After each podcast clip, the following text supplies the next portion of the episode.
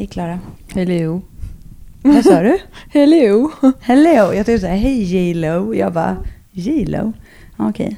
J.Lo har ju tydligen startat en challenge på Instagram. Jaha. Där hon så här, visar upp den äkta mammakroppen. Hon är ju 50. Fast grejen är att hon är ju skitsnygg. Hon har liksom en... Hon är liksom snygg. Ja men hon har ju säkert gjort både det ena och det andra för att se ut som hon gör. Ja, det är så det som känns lite så här, the real body. Ja men då tydligen så är det många som ändå är inspirerade av att visa upp sina mammakroppar. Och gud vad folk håller på. Ja, men det- är väl bra om, många kan göra det. Eller om man känner att man gillar det. Ja alltså det är ju det är helt sjukt om du ser hur hon ser ut och att hon är 50. Jag måste gå och kolla in det. Ja, hon är ändå J.Lo. Ja, jag menar J.Lo får ändå vara J.Lo.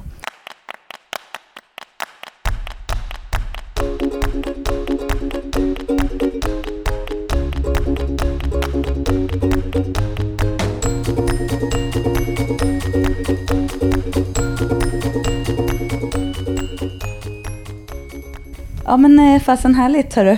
Här sitter vi på kvällskvisten. Mm. Klockan är ändå 17.35. Ja. För en trebarnsmamma är det sent. Ja, men vi har hållit på hela dagen här ju. Ja, det är härligt. Haft värsta lyxdagen. Mm. Men eh, det ska vi inte babbla så mycket om nu. Vi ska ju prata om eh, vad vi gillar för variationer egentligen på utfall kan man säga. Ja. Men, men först så pratar vi om lite annat. ja, jag tänkte ju att vi skulle göra lite reklam idag för ett kommande program som eh, det är ju extra kul att vi släpper det typ i samband med SM i styrkelyft. Just det. Bänkpress bitches. Ja, älskar namnet. Ett program för dig som vill bli bitig och få fängelseklyka. Men framförallt att bli bättre på bänkpress och Ja. öka i bänkpress. Exakt, det är det som är fokuset. Det andra kommer som bonus. Det här är ju faktiskt ett av våra mest mastiga program hittills. Mm. Det är ju nio veckor. Ja, det är jättekul. Men det är också för att eh, eh, programmet är uppbyggt i olika perioder. Eh, för att just det, det, det som vi vill med det här programmet är att man verkligen ska ta, antingen om man inte har bänkat så mycket eh, innan, så är det verkligen ett sätt att kunna att komma igång och bänka och verkligen göra det från grunden. Mm. Men om man har bänkat en del så handlar det väldigt mycket om att eh, första delen i programmet är att skapa en stabil grund i sin bänk. Så, och sen så har den liksom en grundperiod och sen bygger man vidare egentligen och går emot en maxperiod. Och sen har man såklart en maxperiod på slutet. Hur många gånger i veckan ska man bänka? Tre gånger i veckan är bänk är det uppbyggt på. Det är bra. Jag tror att de allra flesta kan göra det. Om man inte har axelproblem eller skador eller på något sätt så upplever jag att många kan faktiskt köra lite extra mycket bänk. Det är inte samma sak som att knäböja tre gånger i veckan. Nej, absolut. Nej, och, och det kommer ju vara i passen så är det ju också det vi kallar prehab. Alltså det kommer vara mycket småövningar också. Som ligger som kanske ett litet avslut eller som uppvärmning såklart och sådär. Så att eh, det finns också de delarna med såklart. Så det kommer ju inte bara vara bänk utan det är ju även assisterande övningar. Alltså till bänken för att bli starkare i bänk. Men också småövningar som gör att du ska hålla. Mm. Men Johanna, kan inte du nämna tre saker som du upplever har gett dig en starkare bänkpress den senaste perioden när du verkligen har fokuserat på bänken och har fått väldigt fina resultat av det? Mm, det ena är att jag i alla mina repetitioner, alltid, från första uppvärmningslyft till eh, mitt sista eh, avslutningslyft, eh, gör med paus på bröstet. Alltså att jag stannar eh, stången på bröstet. Alltså stopp Ja, som det stopp. brukar kallas i Ja, din precis. sport. Stopp, inte paus. Stopp. Mm. Eh, så det är en punkt. Så ett tydligt stopp, inte bara en studs. Mm, precis, och det, det, eh, syftet med det är ju också för att hålla kvar stabiliteten i eh, liksom min, min överkropp och att eh, äga lyftet. Mm. Eh, och sen ska man ju, när man tävlar så är det ju stopp. Så det är ju också att inte, att varför inte träna med det alltid då, om jag ändå ska tävla i det. Så det är den. Och sen det andra är att kvaliteten i varje lyft har jag förbättrat eh, avsevärt. Eh, den senaste Du tiden. fokuserar lika mycket på varje repetition upplever jag. Oavsett om det är med bara stången eller om det är på dina toppset. Ja, exakt. Och att varje set är väldigt mycket lika varandra nu. Eller varje repetition ska jag säga, inte varje set ens, utan varje repetition. Och det är ju egentligen för att dels att jag har eh, en mycket mer stabil setup nu. Och setupen är punkt tre, men jag ska bara förklara vad jag menar Mm. med just kvaliteten. Att jag är så stabil nu i lyften så att jag förändrar mig inte under lyften, utan jag ligger helt still och sitter fast i bänken. Och då gör det att jag kan göra varje lyft likadant. Förut kunde det vara så att kanske på lyft tre så hade jag tappat lite i min brygga eller Mm. jag hade förflyttat lite eller i de tunga lyften så började armbågarna fladdra lite. Och det gör de såklart kanske på mina maxlyft idag. Men jag upplever att det är, min, det är inget sånt i de tunga lyften. Utan när jag gör tyngre repetitioner så har jag fortfarande samma kvalitet i dem, bara att de kanske går lite långsammare. Mm. Och punkt tre då? Ja, punkt tre var ju setupen. Och det är egentligen att jag har eh, fokuserat ännu mer på att skapa en start. Alltså hur jag lägger mig på bänken, hur jag sätter fast mig i bänken. För att just kunna ha kvalitet och göra likadant i alla lyft. Så de hänger ju såklart ihop. Mm. Men eh, setupen, absolut. Att jag, den, jag vet att från att jag ställer mig med fötterna på sidan av bänken och ska börja liksom min lilla ritual så gör jag exakt likadant och jag hamnar exakt likadant och jag blir samma start alltid. Jag skulle kunna lägga till en fjärde punkt också eh, utifrån min tolkning. Och det är också att du har vågat låta det ta tid och investera tid. Många, inklusive jag själv, om jag tänker på nu, nu har vi februari, mars ungefär. Um, och jag började bänka med stopp i kanske december. Um, jag var ju ändå uppe och så här, tyckte att det var konstigt att repetitionerna på så här 90% av mitt max inte såg likadana ut och, och började hetsa lite och tumma på stoppet under träningen. Du har hållit på med det här länge nu Johanna, så du har låtit bänkpressträningen ta tid. Och det tänker jag också är en viktig sak att addera till det här. att En liksom grundförutsättning för att bli bra på ett lyft är att investera mycket tid och att göra det mycket och att göra det ordentligt hela tiden. Och nu pratar jag alltså utifrån mig själv, jag skäller inte på någon annan. Men det är väldigt lätt att ha bråttom. Och så här, jag minns själv när du och jag för kanske två år sedan höll på med bänkpress. Eh, när jag bänkade väldigt mycket men ändå hade en ganska kass teknik och lyfte på rumpan. Att vi liksom ändrade ett setupen till ett lyft, filmade det och bara “men nu då? Men nu då?” Ja, Men vi såg inte det stora perspektivet att vi måste göra, göra, göra, göra. Sen kanske du kommer märka något som det här träningsprogrammet efter nio veckor. Men då kanske du kommer börja känna skillnad i dina stopp. ja, och det är klart att har man, har man hockeybombat sin bänk, det vill säga att man dumpar ner stången i bröstet och låter den Släpper studsa. den och studsar på eh, revbenen. Ja, Svajet. Exakt, vilket jag kallades i styrkelyftsvärlden när jag började så, så kallad, fick jag ju den eh, feedbacken hockeybomba.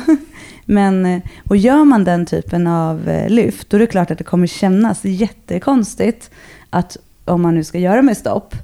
Men det är ju, finns ju ett syfte i det här och i programmets första del så är det jättemycket excentriskt och med stopp. Och även att bara jobba med eh, setupen i uppvärmningen. Mm. Så det finns ju en tanke i att skapa en förändring till det positiva.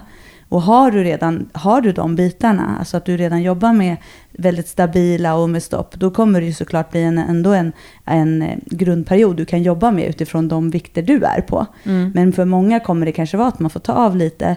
Men jag är helt säker på att de flesta kommer tjäna på det i slutet. För det som vi ser när vi träffar eh, eh, tjejer och kvinnor som bänkar är, och även killar såklart, men nu är det ju flest tjejer vi eh, träffar och vi vänder oss till. Det är ju att när det blir, man kan göra repetitioner väldigt nära sitt max. Alltså du kan göra många repetitioner och sen så bara på nästa lyft så kan du inte ens göra en etta nästan. Mm. Och jag, en av mina liksom, analyser kring det här, det är absolut att, att vi kan vara repstarkare och så vidare. Och att vi kanske egentligen har ett tyngre max.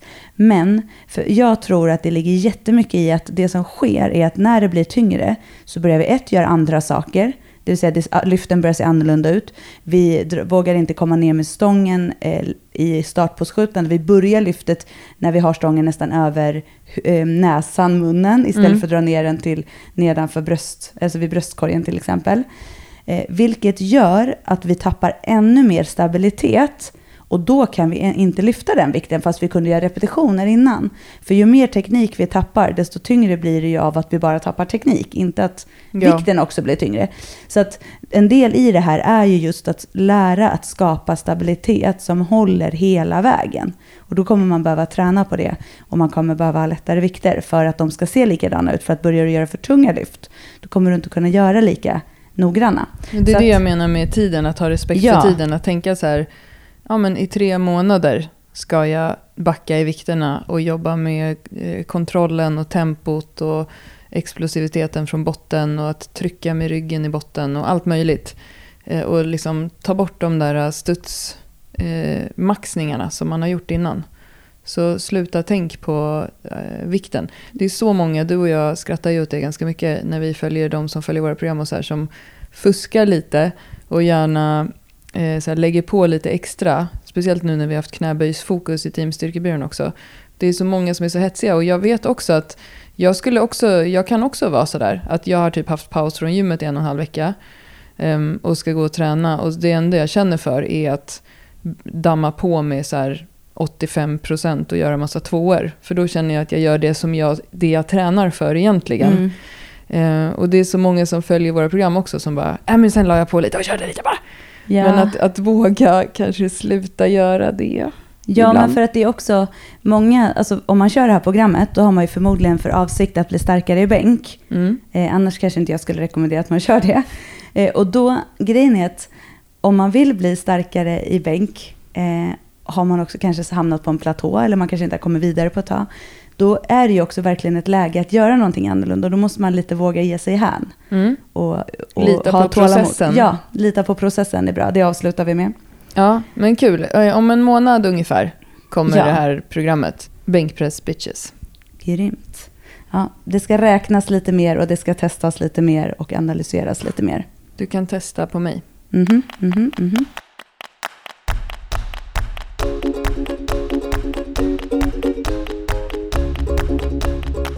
Okej, men nu är det ju så här då. Utfall Ja, ska vi prata lite om. jag älskar inte utfall. Nej, det gör vi inte. Eh, Och vi, grejen är att syftet med det här avsnittet och de här eh, utfallen Mm. är ju faktiskt att vi ska ta, eh, prata om varför vi inte eh, gillar utfall. det var inte så jag menade. Nej men alltså, eh, när, om, du, om du tittar på standarden från där vi kommer ifrån. Alltså när vi började hålla på med träning Johanna, då var ju faktiskt inte crossfit en stor sport. Eller hur? Vi kommer ju från så här gruppträning. Alltså när du och jag tränade tillsammans från början, då gick vi på så här gruppträning på gymmet. Mm. I så här stora hallar där man gjorde så här Borsov-hopp. Kommer du ihåg det? Jag vet. McDonalds-hopp gjorde man. Ja. Man gjorde väldigt mycket hopp, Ja. saxhopp och sånt. Och en klassisk grej då var så här att 100 meter utfallsgång, eller hur? Ja. Och vad hände då? Jo, alla eh, var typ helt slut och benen var helt förstörda och eh, det var garanterad träningsverk i en vecka. Man fick backa baklänges ner för trappor i en vecka liksom, efteråt. Det är den gruppträningsvärlden vi kommer ifrån. Ja, men och utfallsgång känns som att det är en så övning också som... Jag vet liksom som många tänker är så här, men det är en bra övning att slänga in. Typ Det, så. det är tufft, Ja, det är tufft och man får träningsverk och sådär och många gillar ju träningsverk. det är jobbigt, det Men bränner. så då, då tills av, till avsnittet då, vi ska prata om tre varianter Mm. som vi tycker är eh, bra och deras, varför de är bra och vad de fyller för syfte när det gäller egentligen enbensövningar. Då. Ja, och det som eh, jag tänkte lite på, för ett tag sedan så var jag med i språket i P1 och pratade om det här med anglofieringen i träningsspråket. Att man på många ställen idag säger squat och snatch och sådär istället för knäböj och ryck och så. Och den här övningen, eh, så vi kommer ju nu prata om stillastående utfall. Och grejen är, på engelska så heter inte den stillastående utfall, för utfall är ju lunge på engelska lunges. Eh, och stillastående utfall brukar man säga på svenska, men det, eh, den heter ju split squats på engelska. Och egentligen så är det en bättre benämning tycker jag. För det är en knäböj där man står med benen isär. Eh, Medan ett utfall egentligen kanske har med just... När du och jag utbildade oss till PTs till exempel, då fick vi lära oss att utfall var en av våra grundrörelser som vi gör i vardagen. Vilket i och för sig, när jag tänker på det, när gör vi det i vardagen? Nej, ja, när vi går upp för en utfall i- trappa kanske. Utfall är väl i form av att du tar ett steg. Så Exakt. gör du egentligen ett utfall. Sen behöver Ja. du inte gå ner i någon typ av Så vad ska man då kalla split squat på svenska egentligen? mm, stillastående utfall. För det är ju det du... Nej, nej stillastående knäböj. Utfall, ja, stillastående alltså knäböj. stillastående, nej men det är stillastående knäböj är ju ett knäböj. Fast split, inte Ja. stillastående. Nej, split är ju att... Du har delat splittat- benen. Delat knäböj. Delat knäböj! alltså, det är jätteroligt. Det här var ju precis det vi pratade om och i språket och det, det som jag sa också var att så här, vi använder ju engelska uttryck, du och jag, i vårt jobb. När, dels när det är en vedertagen sanning. Det finns, inget, alltså det finns ingen i Sverige som använder specialare istället för burpee. Nej. till exempel. Med, eh, Medan burpee då lärde jag mig i sig i namnet på personen som kom på övningen. Det är inte Mm. ett engelskt ord. Men, eh, och samma med chins och pull-ups. Det är ingen som säger räckhäv, så då säger inte vi det heller. Nej. Men, eh, och split squat är en typisk sån övning också. Jag tänker även på till exempel övningen push press. Just det. Vår kompis Tove brukar säga krystpress. Fattar. Eh, men det är ju ingen som vet vad det är heller. Alla vet vad, eller alla, många vet vad en pushpress är till exempel. Men, och split squat tycker jag egentligen är ett bättre namn. Därför att det är inte ett utfall du gör. Nej. Du står nämligen stilla. Så en split squat är en knäböj när du har ena benet fram, andra benet bak. Ja, Precis som vi egentligen vid vår övningsbank, våra övningar, så säger, har ju vi en övning som heter marklyft med ett ben bak. ja precis. Det här är knäböj med ett ben bak. Ja, men vi, ja, precis, vi kallar nog det för stillastående utfall. Precis, ja men förstår du, det är en, Ja. det är en rolig... Eh, jag tycker att det är kul med språk och sådär, men i alla fall spelar ju inte det här någon roll, det sa jag också när jag var med i språket, det spelar ju inte någon roll vad en övning heter om man vet vilken övning man ska göra. Nej. Den kan ju heta Gunnarsson för mig, bara jag gör det som... Det är därför vi har filmer i alla våra träningsprogram, så att man vet vilken övning man ska göra. Mm. Eh, sen är det mindre viktigt om det liksom är pronerat, supinerat och grepp och allt vad det kallas. Skit Men det är inte konstigt att det blir förvirrat om man inte är inne i det. Nej, det är ju... Alltså, det, du och jag skrattar ju ibland så att vi gråter när vi ska lägga in våra övningar när vi har... Häromdagen la jag in i Teamstyrkebyrån eh, Farmers carry med en kettlebell i rackposition och en hängande. Och det var ju någon gång vi hade skrivit det som att, så här, att det lät som att det var ena benet som var hängande. Ja men det blir ju så här. Och sen så när vi ligger inne också i vår övningsbank så är det så här, då vill vi särskilja vissa. Så då kan det ju vara så här, hantelpress på lutad bänk med eh, neutralt grepp på Åh, sidan. Nej, ja, men, ja, vi har ju nästan det. Jag vet, ja men just det här för att det handlar ju om att liksom få ett namn på dem egentligen. Sen är det som vi säger, när vi har våra program, du klickar på en länk Mm. så får du upp övningen. Så egentligen spelar det ingen roll, det skulle kunna stå typ så här, Övning tre. ja egentligen så är det ju så. Men det, det här är för att man ska försöka skapa någon typ av tydlighet. Ja, Men då kan jag också, jag vet också att vi skrattade åt det här så mycket när vi skulle göra rumpboken. ja, För då skulle vi också, då har vi inga filmer och då ska vi skriva olika namn på övningar. ja. Och till exempel då när vi skulle använda, då kanske då, om vi skulle använda svenska eller engelska och så här, vi skulle göra så här, höftlyft med rygg på bänk med gummiband runt knä, under knä. Alltså, ja, och vi höll ju på om att höftlyft och hip thrust inte Ja. är samma sak. Så vi landade ju i sätesbrygga, kommer du ihåg det? ja. Ja, det, är, ja men det, alltså, det här är inte helt lätt. Eh, men övningen i alla fall, som vi ska prata om nu, är då stillastående utfall eller om du vill kalla det för en split squat. Om du Ja. googlar split squat så kommer du få upp mycket fler filmer. Och det är ju fördelen med att ha övningsnamn på engelska, därför att du kan youtuba varenda övning som finns idag Mm. eh, om du inte vet vilken du ska göra. Men i den här övningen så rör man ju inte, man går inte, man tar inte ett kliv framåt, man tar inte ett kliv bakåt. Man har fötterna på plats på golvet under hela övningen. Ska jag pausa den? Nu låter den mycket mer. Ja, jag, jag den går, det, den den håller på att centrifugera. Vilket Varför säger jag det i micken? nu håller min maskin på att centrifugera här så att jag går och pausar den. ibland man pratar i telefon så börjar man prata i micken. Ja. Låter som någonting som ska lyfta där inne. Ett flygplan eller något. Boom. Ja. Ja men det lät lite, för det började låta ganska mycket. Jag har min t- tvätta i kapp efter barnveckan tvättningar så här är tredje maskinen idag. Mhm, mhm. Eh, men i alla fall, split squats. Johanna, varför gillar du split squats bättre än eh, utfall då? En- Men det är, skulle jag säga, för att det är stabilare. För att eh, de flesta, eller egentligen ja, nästan alla, kan göra den övningen på, i olika varia, variation, varianter Mm. som gör att de blir stabila och får ut mycket mer av övningen än när man knallar runt. För när man knallar runt så blir det instabilt, knäna vinglar fram och tillbaka, det finns ingen styrsel i överkroppen och man upplever jag har inte så många gånger en tanke med vad man faktiskt gör. Det man ser ut bara, som skit. Man bara gör det. Och ser det ut som skit, då är det skit. Ja, the shit method. Den fick vi lära oss på PT-utbildningen av Mm. Erik Börjesson. Jag använder den ofta. Det är det bästa jag vet. Ja. Ser det ut som skit, är det skit. Och ehm, jag kan säga för min egen del också som har så en fot som är opererad eh, snett. Så är ju utfall min utfallsgång, det ser kass ut när jag gör det. För jag har ju helt krokiga vinklar i benet. Men split squats kan jag faktiskt göra. En annan fördel med split squats som jag tycker är att man ofta kan belasta den mer än vad man kan göra med en utfallsgång. Den är ju mindre utmanande koordinativt. Alltså din eh, mind-muscle connection utmanas inte lika mycket. Och då kan du belasta övningen eh, mer. Och jag gillar ju övningar där man kan belasta mer helt Mm. enkelt. För att den är stabilare. Ja, jag tänkte dra tre stycken fördelar med split squats. Mm. Eh, dels nummer ett, det är en ensidesövning och det kan ju vara bra att göra ensidesövningar som assisterande till till exempel knäböj. Eh, en vanlig sak att säga är ju det här att jobba med sidoskillnader och det behöver absolut inte alla göra. Men det är ju ett sätt att göra det, eh, att jobba med ett ben i taget. Men det är också en övning där du jobbar med stabilitet och koordination, för den blir ju ändå mindre stabil än en bilateral övning som det heter, alltså du står med båda fötterna bredvid varandra. Nummer två, eh, du bygger styrka och hypertrofi. Så det är en jättebra benövning på så sätt.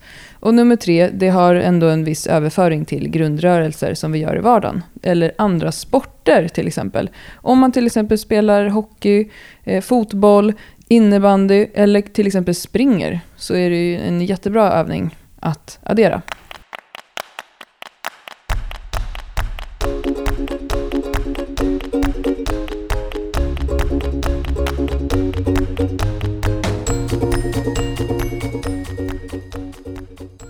Men Johanna, vilka leder involverar övningen split squats? Mm, alltså split squat är ju alltså en flerledsövning och den involverar ju fotled, i högsta, i högsta grad knäled och höftled. Mm?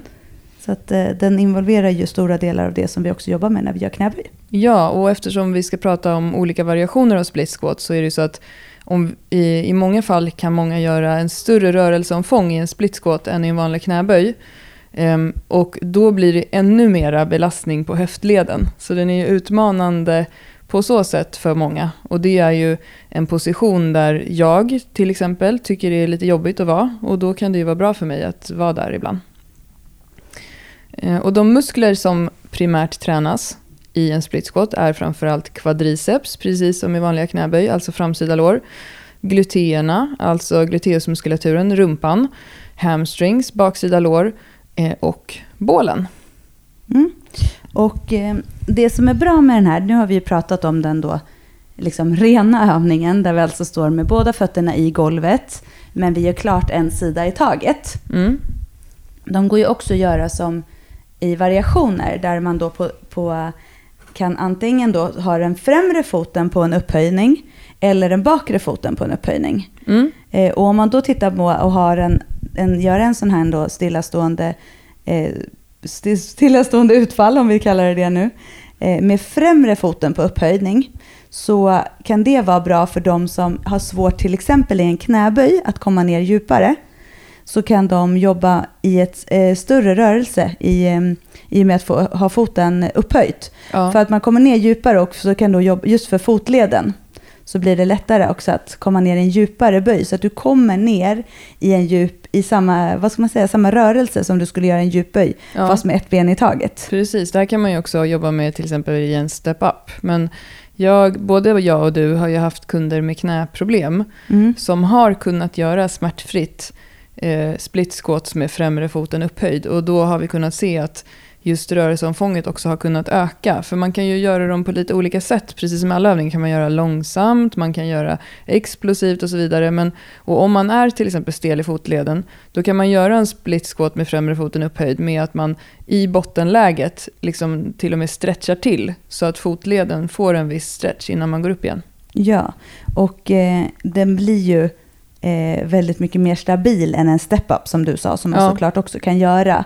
Eh, och, så den, är, och den är ganska enkel att utföra. Och sen blir det ju inte som du sa, de som har känsla, i, har- kan känna lite i knäna.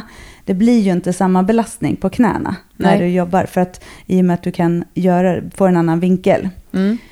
Eh, Så att den, och jag tycker den är superbra. Och sen är det, den blir lite, det är ju också lite beroende på vad man har för vinklar och hur långa ben man har och sådär. Hur man hamnar i den och hur högt man behöver eh, göra den, alltså bygga upp främre foten. Mm. Så att, utan att det ska bli en, en konstig rörelse. Ja, och eh, split squats med främre foten upphöjd upplever jag och säkert du också som betydligt mycket lättare för de allra flesta att utföra än nummer två som är att ha bakre foten upphöjd och det brukar kallas för bulgariska utfall eller Bulgarian split squat. Och då kan man ju ha den bakre foten på en bänk eller en låda eller en skivstång som man sätter i ett rack. Den här upplever jag för de flesta är lite klurigare att få till i början. För det kan vara svårare att hitta rätt liksom, stans mellan fötterna. Alltså hur långt isär man ska ha sina ben. Och här kan man ju också jobba med olika, man känner ju att det blir lite olika muskelaktivering beroende på hur eh, tight man står mellan, alltså då pratar jag om avståndet fot till fot.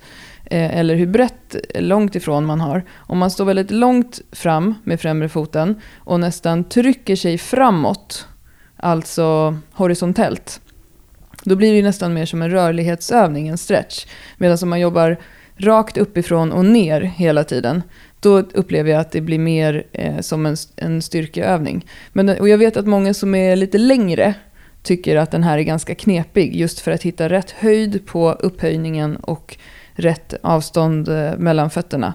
Så man kan ju kanske göra några sätt, om man vill göra med belastning, så kan man göra några utan belastning först för att hitta fotpositionen. Mm, jag tycker att den är ganska klurig.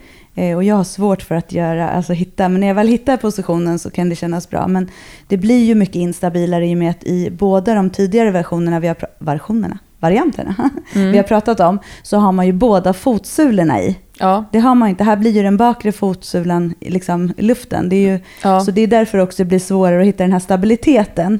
Men den är ju fortfarande stabilare än en utfallsgång. precis. För Men- att du står på stället. Ja, men, men, eh, och där kan vissa tycka att det är skönt att sätta foten emot någonting istället för att lägga den uppe på någonting. Ja. För då blir det också att du får lite mer stabilitet. En ribbstol kan kanske vara Ja, bra. ja, För då men får man in precis, foten man mot väggen där bakom. Ehm, och sen den liksom original variant då, om vi ska prata om split squats, det är ju att göra bara på golvet. Ja, Att man gör som en knäböj med båda fötterna i golvet och den är ju mest stabil av de här två. Men då får man ju ett mindre rörelseomfång, det vill säga rörelsen blir mindre därför att det blir en kortare sträcka ner tills knät nuddar i golvet än vad det blir om du har en upphöjning på någon av sidorna. mm, Några saker jag tänker på med utförandet av en split squat som brukar vara en så här bra eh, sägning till en PT-kund till exempel. Det är att inte stå på lina. Alltså att du har ett avstånd mellan fötterna på bredden där du tänker dig snarare att du står på en tågräls med varje fot på varje sida av rälsen. Så att den blir mer stabil själva övningen. Och sen att du tänker att höften ifrån bottenläget, att du försöker jobba med överkroppen rakt upp hela tiden och inte faller fram, för då blir det mer som en höftfällning ifrån botten där rumpan har en tendens att åka upp först. Utan att du tänker dig att du är, har som ett snöre genom hela kroppen som jobbar upp och ner i rörelsen. mm, Men jag vet att till exempel Ido Portal, våran kända strutsgångsguru, han förespråkar eh, en split squat som han tror jag har lärt sig av Charles, vad heter han, Poliquin, jag har aldrig lärt mig hur man uttalar hans namn, nu kommer styrke Sverige skratta, Polikin eller Poliquin som dog för något år sedan. Han förespråkar Bulgarian split squats där du då eh, trycker dig framåt mot knät i varje rörelse istället för att jobba rakt upp och ner. Och då blir det ju mer som en stretch rörlighetsövning upplever jag. Där får man ju bara hitta den som man tycker är skönast och som man, när man känner att man tränar på rätt sätt. Men om man ska ta med sig en sak så stå inte med fötterna för smalt utan Nej. lite bredare.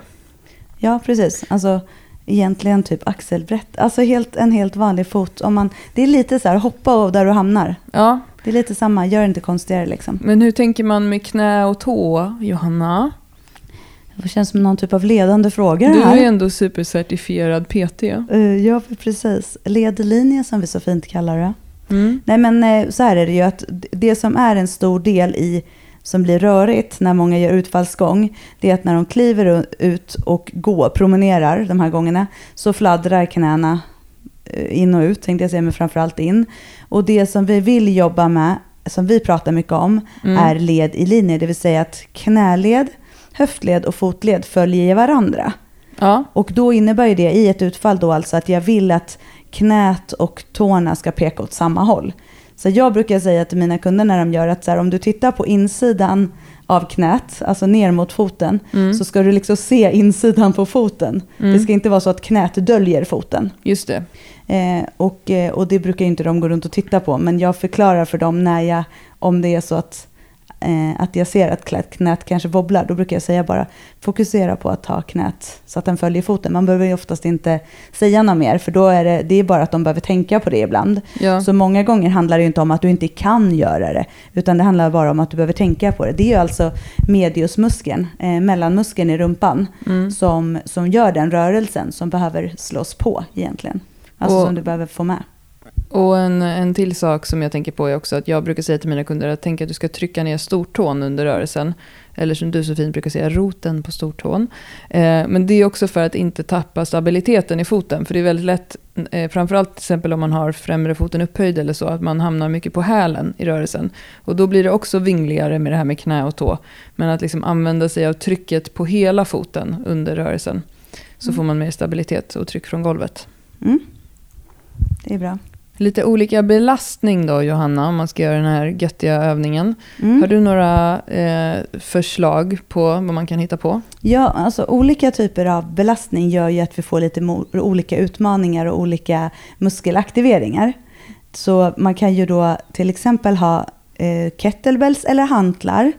Eh, jag tycker att kettlebells är bra att jobba med för att de får, man får en liten annan tyngdpunkt. Hantlar tycker jag blir wobbligare. Mm. Eh, och det är ju för att en kula, en kettlebell hänger ju liksom vikten mer ner. I Mm. en hantel blir det mer fördelad. Men att man har dem hängande bara i händerna rakt ner, armarna rakt ner. Det är ju, det skulle jag säga, det lättaste utförandet om man vill belasta en split squat. Ja, för där kan man oftast ha tyngst.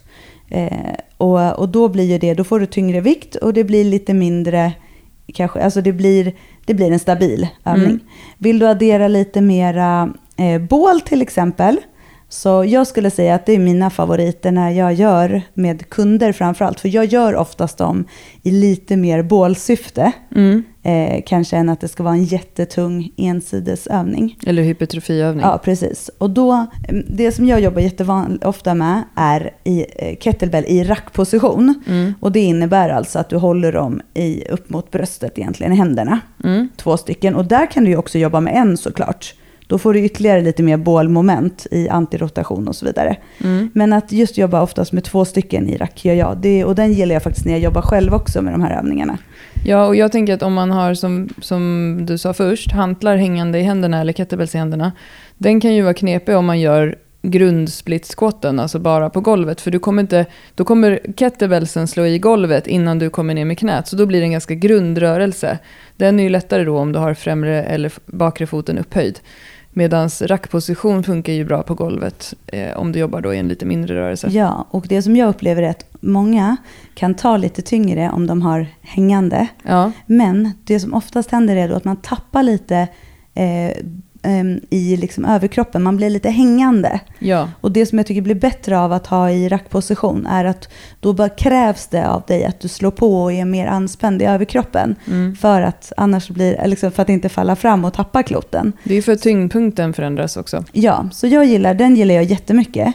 Eh, och sen så kan man ju såklart jobba med eh, skivstång, alltså både fram men också bak. Ja. Eh, för att få en annan typ av eh, belastning också. Vissa är ju superstarka i Bulgarian split squats med skivstång. Jag kan Mm. bli helt alltså, superimponerad över folk som liksom står och gör split squats med 70 kilo. Jag, såg, jag tror hon som driver gym, gymmet-kedjan, Anna Stålnacke heter hon va?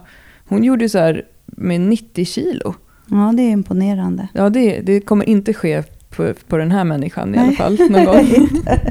På mig heller tror jag. Och Då kan jag använda ursäkten att jag, jag tränar bålen så jag har vikten fram Ja. i kettlebells istället. Men jag, sådana där övningar är jag faktiskt slö på ska jag säga. Mm, de är jobbiga, de bränner, det är ett stort rörelseomfång. Det är ett helsike när man är där nere i botten. Ja, jag gillar stabilt, två ben i golvet. En skivstång är ju också krångligare om du, behöver, eh, om du bommar. Alltså om du behöver göra dig av med vikten eller om du fastnar där nere. Två kettlebells eller hantlar kan du ju alltid bara kasta bort. Ja, men också, det är också lite lättare om man tänker för gemene person som ska göra den här övningen. Så är det ju lättare att ha två kettlebells typ än att du ska också gå, ta ur den från ett skivstångsrack och sen med skivstången hitta rätt position. Upp I alla fall om du ska ja. göra Bulgarian split squat.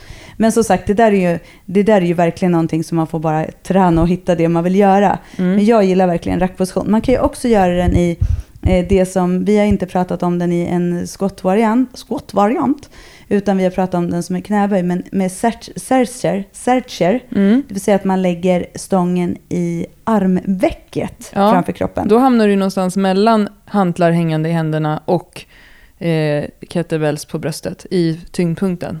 Den gillar du va? Jag gillar den. Jag gillar ju den för att jag inte har, tycker att det gör ont att ha någonting hängande i Mm. armvecken.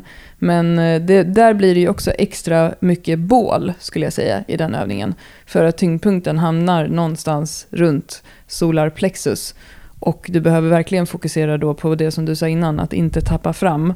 Och tappar du fram när du har en sercherböj, då tappar du ju stången. Mm. Eh, Så den kan också vara ett bra sätt att öva på just det här att centrera dig och jobba eh, rakt upp och rakt ner. Men det är ju en övning som man absolut inte ser ofta. Så därför så tänkte vi att vi filmar den. Mm. Det är bra. Mm.